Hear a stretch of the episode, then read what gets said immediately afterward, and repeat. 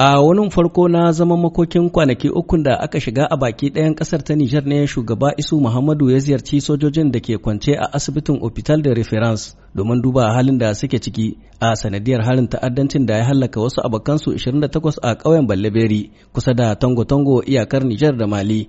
Certains d'entre eux sont tombés sur le champ d'honneur, d'autres sont blessés.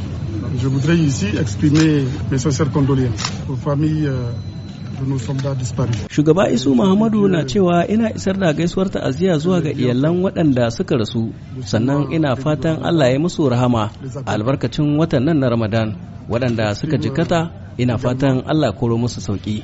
Shugaban ƙasar ta Nijar ya jaddada aniyar ci gaba da ɗaukar matakan tabbatar da tsaron jama'a da dukiyoyinsu. Tare da dagewa kai da fata domin kare iyakokin Nijar. C'est ma conviction.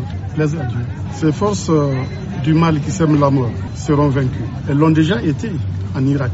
Elles l'ont déjà été en Syrie. Na yi imani ko ba jima ko ba daɗe, da yardar Allah za mu ga ƙarshen waɗannan miyagun ƙungiyoyi da ke haddasa asarar rayuka, kamar yadda aka gama da su a Iraki da Siriya, a nan yankin tafkin Chadi da yankin Sahel ma za mu ga ƙarshen su idan Allah ya so. Elles le seront dans le bassin de Tchad et dans le Sahel. Reshen ƙungiyar IS a yankin Sahara ne ya ɗauki alhakin kai wannan mummunan hari da ke ci gaba da ɗaurewa jama'a kai.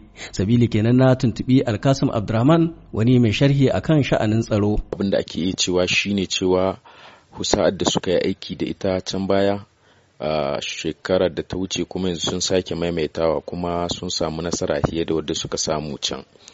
To uh, tunda ba zaune ba suke a wurin daga ƙasar mali ne suke zuwa ko kuma da ƙasar burkina faso. Kenan abin da ake cewa shine ba mu ɗauki karatun abin da ya faru ba shekarar da ta wuce. Kuma wataƙila tun da can wancan karan ana zargi sun ɗauki wata mota wadda take kumshe da bayanai wadda ke sarrafa bayanai.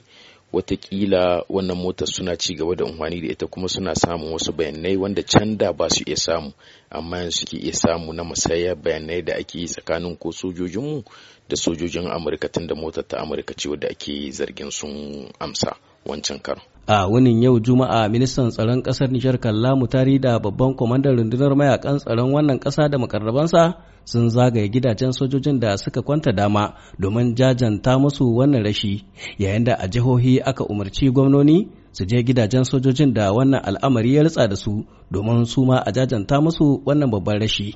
Sule Mummuni Barma, muryar Amurka daga Yamai a jamhuriyar Nijar.